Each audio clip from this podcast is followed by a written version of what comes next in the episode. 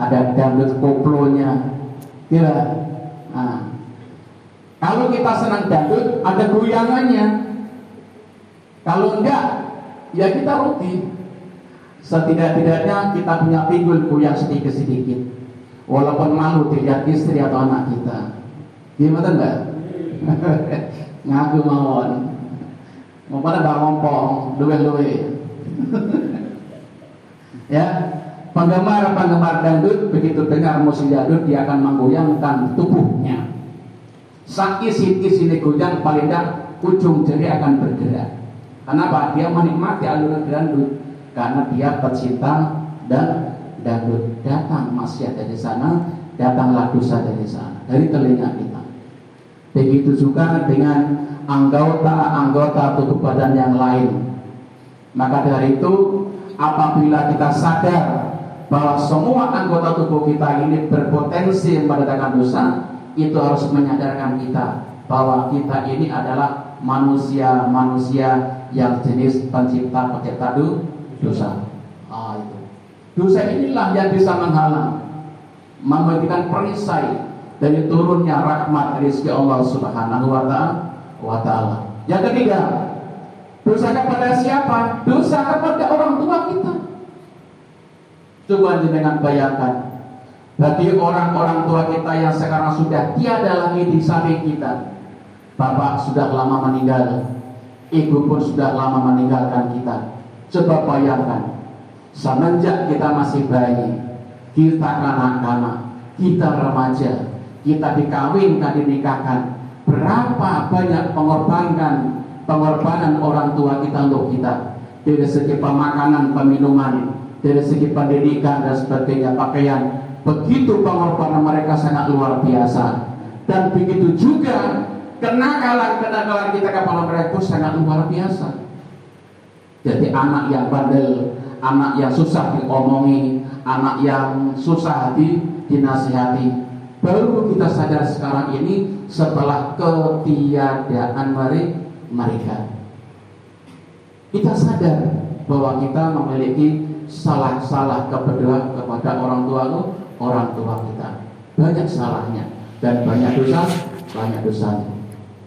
Kemudian dari mana lagi dosa itu datang?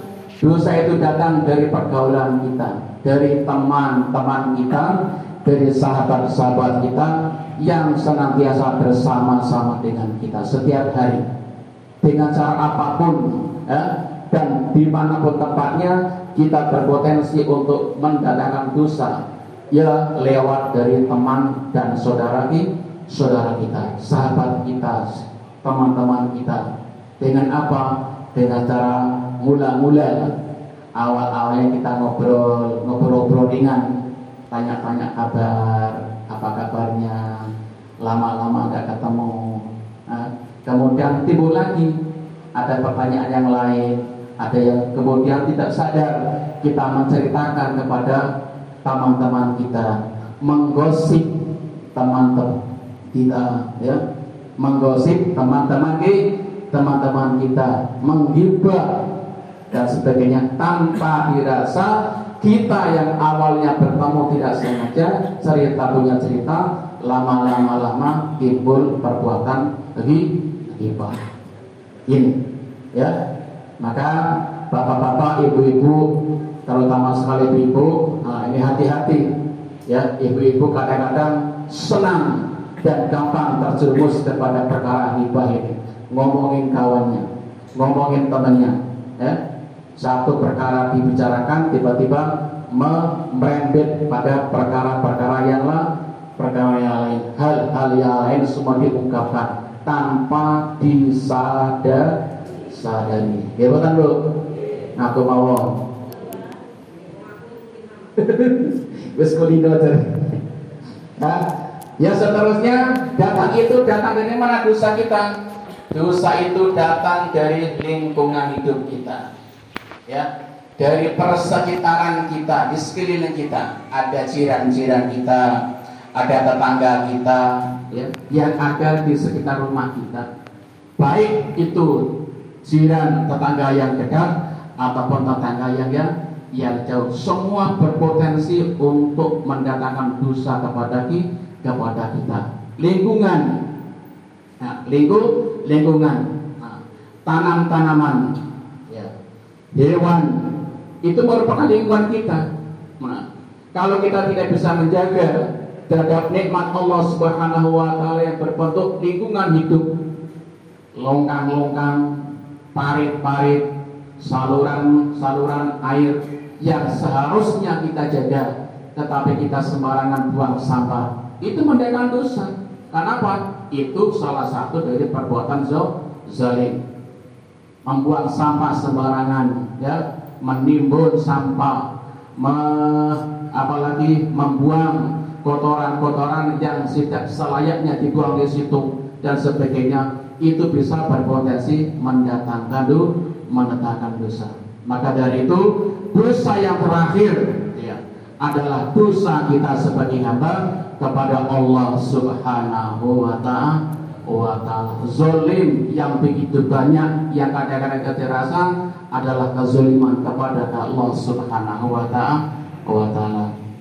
Tuhan-tuhan jamaah yang dimuliakan Allah. Jadi dengan adanya potensi-potensi timbulnya dosa yang ada pada diri kita inilah yang datang dari diri kita sendiri, dari suami kita, dosa dari istri kita, anak kita, dosa terhadap orang tua kita, teman sahabat kita, lingkungan hidup kita, dan lebih lagi dosa kepada Allah Subhanahu wa taala, maka dari itu kita wajib hukumnya ya untuk minta ampun ya, istighfar minta pengampunan daripada Allah Subhanahu wa taala wa taala. Bismillahirrahmanirrahim. Qul ya ibadiyalladzina asrafu ala anfusihim la taqnatu bi rahmatillah. Innallaha yaghfiru dzunuba jami'a innahu wal ghafurur rahim. Katakanlah kepada hamba-hambaku yang melampaui batas terhadap diri mereka sendiri Janganlah berputus asa akan rahmat Allah. Sesungguhnya Allah mengampuni dosa semuanya. Sesungguhnya Allah Maha Ghafur dan Allah Maha Maha Rahim. Az-Zumar 53. Astaghfirullahal Ghafurar Rahim. Allah memiliki sifat Ghafur.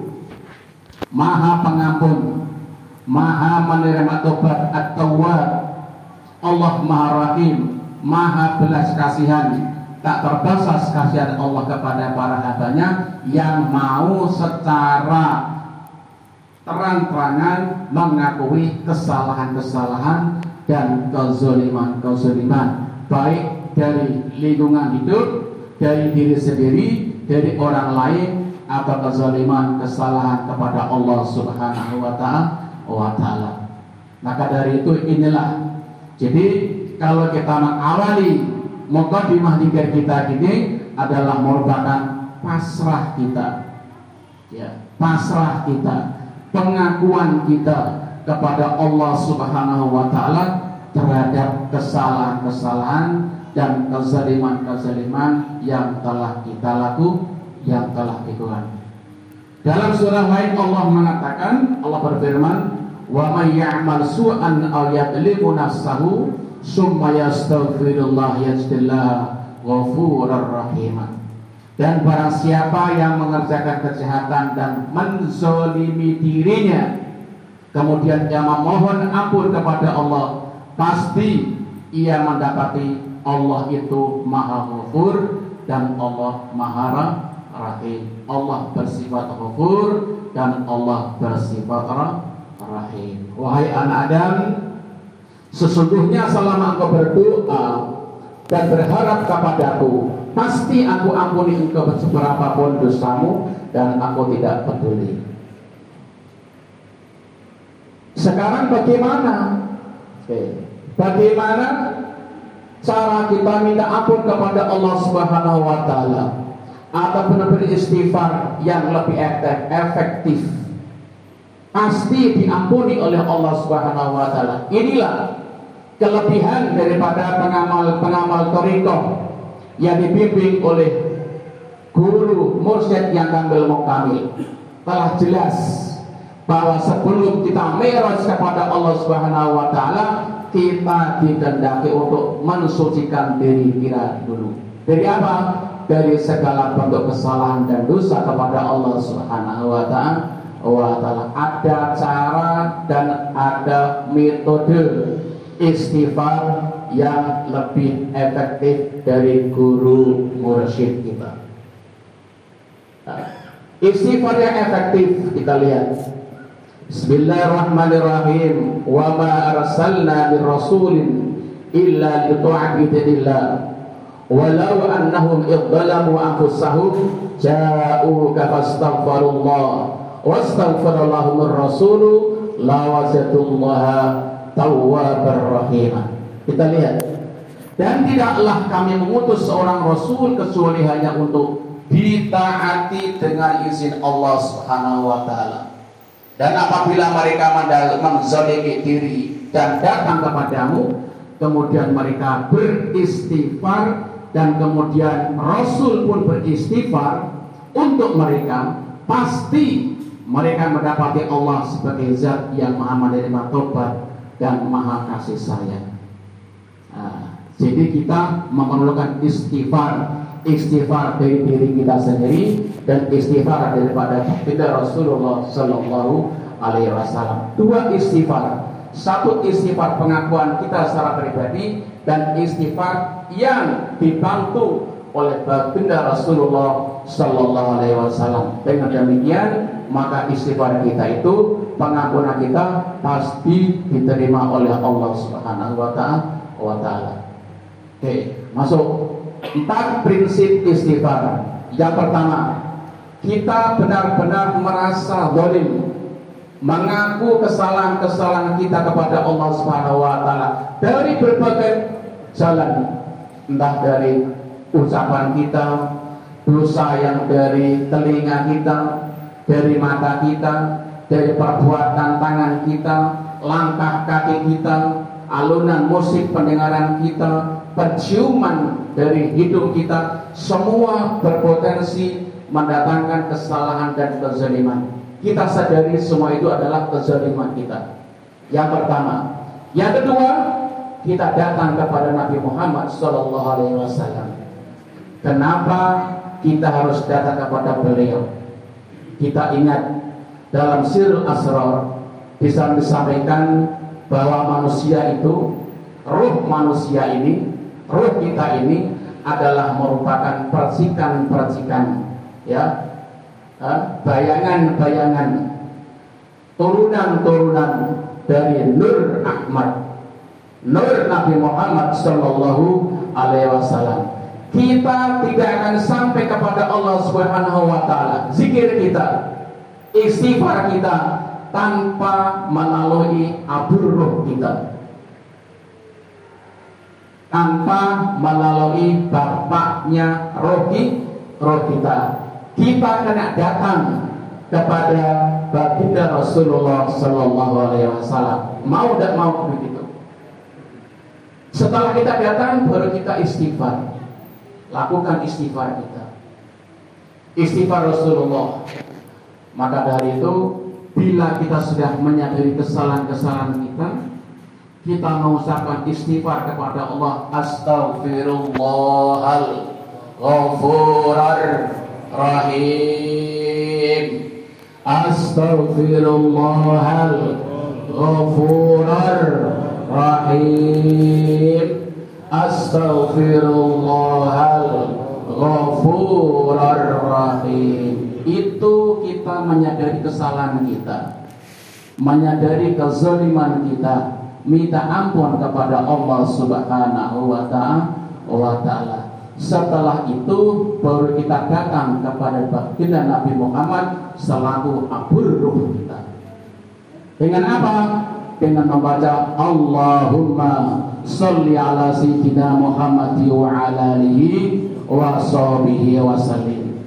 Allahumma salli ala sayyidina Muhammadin wa ala alihi wa sahbihi wasallim Allahumma salli ala sayyidina Muhammadin wa ala alihi wa sahbihi wasallim sampai istighfar kita kepada Allah didukung dengan istighfar Nabi Muhammad sallallahu alaihi wasallam pasti diampuni oleh Allah Subhanahu wa taala. Amin Allahumma amin. Nah, sekarang masuk.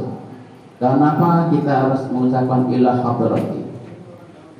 Hadrati ilah hadrati ilah hadrati ilah hadrati hadrah hadrah berasal dari kata hadrah hadir hadrah artinya hadir. Hadir.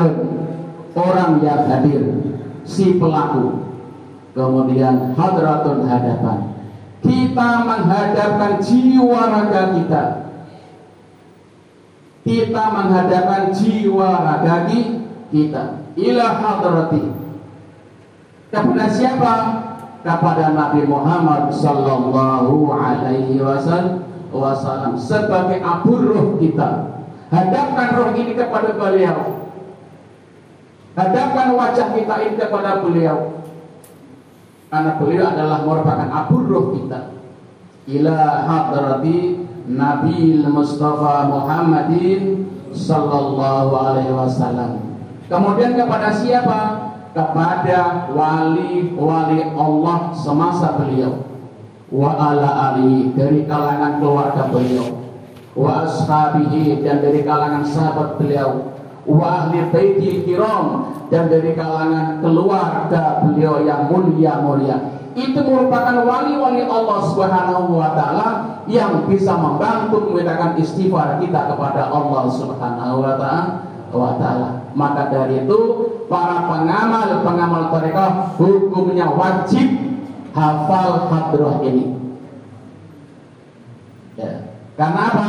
Saya mendapati ada sekian ikhwan mereka setiap mengamalkan ilah hadratil Mustafa atau mukadimah ini senantiasa dia ikut di imam baik yang imam di musola atau imam di mas di masjid ataupun imamnya kepada suami sendiri Kenapa? Sama-sama pengamal tori torikoh. Dia hanya ikut saja. Imam Al-Fatihah, dia baca Al-Fatihah, Al-Fatihah. Begitu juga terus Sah al Haidarati Al-Fatihah imamnya dia baca Al-Fatihah Al-Fatihah tanpa dia berusaha menghafalkan dari awal ila hadrati Nabi Mustafa Muhammadin kemudian istighfar dan sholawat dia dihafalkan kenapa dia bergantung kepada imam saja bagi balawa begitu dia suatu saat dia keluar berimamkan dengan orang yang bukan imam toriko. Dia bingung ingin pikir sendiri nggak bisa. Karena selama ini dia berpikir bergantung kepada imam yang tori, yang toriko. Maka dari itu tidak selamanya kita berpikir harus berjamaah berjamaah. Suatu saat kita akan pikir secara bersendiri sendirian sendiri pikir kita. Maka dari itu ilah hadrati atau muqaddimah dzikir ini harus dihafalkan betul-betul kepada semua pengamal-pengamal amalia tori toriko. Jangan kita mengharapkan ya kalau imamnya orang toriko kita tinggal al-fatihah al-fatihah gimana? Enak tak? Yeah. Tapi kalau imam bukan imam toriko kita dia tidak ada ilah hadrat tidak ada.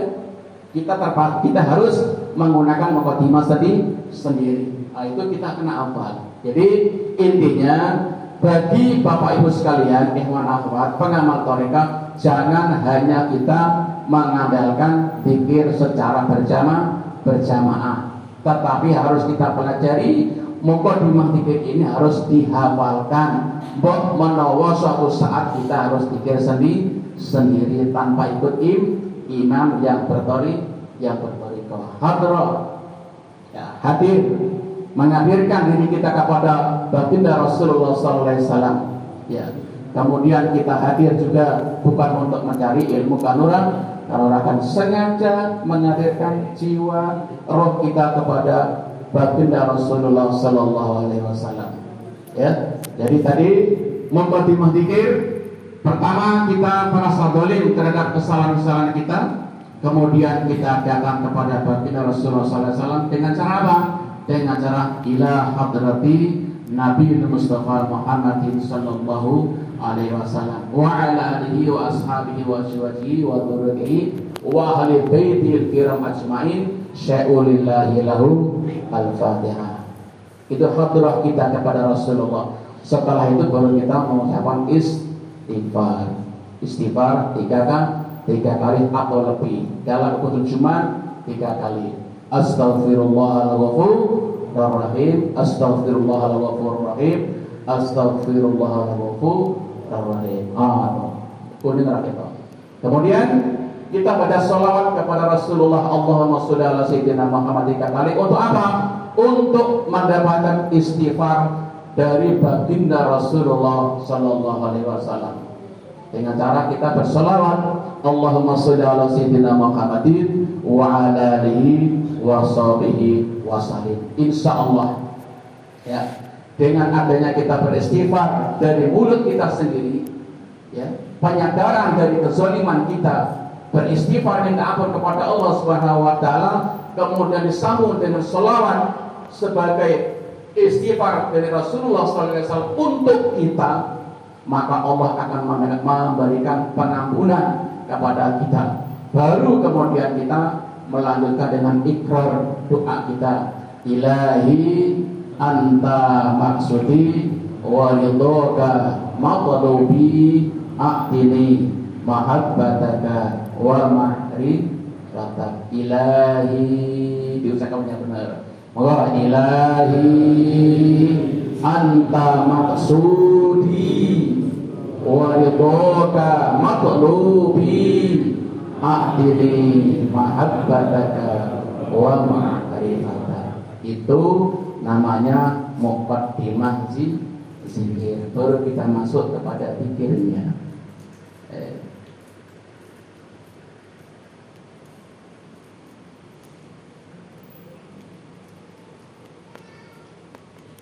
Baru kita masuk melafazkan kalimat thayyibah, kalimat la ilaha illallah. Ah, lihat. Jadi perbedaan orang-orang yang melafazkan kalimat la ilaha illallah antara orang yang sudah mendapatkan talqin zikir dengan orang yang belum mendapatkan talqin zikir sangat jauh berbeda. Satu, dari segi fungsinya. Kalau kita melafazkan kalimat la ilaha illallah sebelum berzikir, dia hanya sebagai amal soleh, perbuatan yang baik. Setiap perbuatan baik akan diberikan pahala dan ganjaran oleh Allah Subhanahu wa taala tanpa ada mukadimah zikir. La ilaha illallah la ilaha. Bagi orang-orang yang sudah pakai zikir dalam mengamalkan talak kalimah la ilaha illallah yang telah didahului tadi dengan mukadimah zikir ya mukadimah zikir penyerahan kesalahan kita kepada Allah beristighfar kemudian menyerahkan jiwa kita, roh kita kepada Rasulullah, dibantu oleh Rasulullah beristighfar kepada Allah untuk kita, kita jadi orang yang telah disukai oleh Allah Subhanahu wa taala dan kita jadi hamba yang diampuni oleh Allah Subhanahu wa taala. Dalam keadaan demikian baru kita akan masuk ke proses pikir. Ilahi anta maksudi wa ridha ma'budi. Dimulailah tarikan-tarikan pikir itu kalau bukan ahli tarekoh, tidak ada istilah tarikan pikir. Yang hanya ada mengucap kalimat di dikir. Tapi bagi pengamal tarekoh, dia tahu namanya tarikan pikir. Bagaimana menarik kalimat dikir? Nah, dari mana? Dari pusatnya. Dari pusat kita pusat. Kemudian ditarik ke atas melewati tiga latifah. Ya. Latifatul apa naik lagi ke latifatul nafs kemudian sampai ke latifatul qalam dibuang ke arah kanan. Dia singgah di latifatul latifatul ruh. Eh, latifatul khafa latifatul ruh. Dibuang ke arah kiri sampai kepada latifatul siri dan bermuara di latifatul qalb ini kalau orang bukan toriko tidak tahu. Gedek-gedeknya pun beda. Kalau orang yang bukan torikoh tidak kenal istilah latoif ini, gedeknya itu ke kanan. Karena apa kalimat oleh itu yang bagus harus ke kanan. La ilaha illallah, la ilaha illallah. Dia tidak tahu. Gimana? Supaya dengan bersani. Orang-orang kampung yang dikir itu kalau bukan ahli torikoh, gedeknya ke kanan. Disangkanya kalau kalimat Allah itu dibuangnya ke kanan. Allah itu kan bagus, dibuang ke kanan. La ilaha illallah. Tapi orang-orang pikir dia gedeknya ke kiri. Kenapa? Dia tahu bagaimana alur perjalanan kalimat itu. Jadi bawah, naik ke atas, dibuang ke kanan, bermuara di sebelah dada sebelah kiri, kiri latifatul kafi. Arahnya ke kiri. Itulah perjalanan perputaran kalimat la ilaha illallah.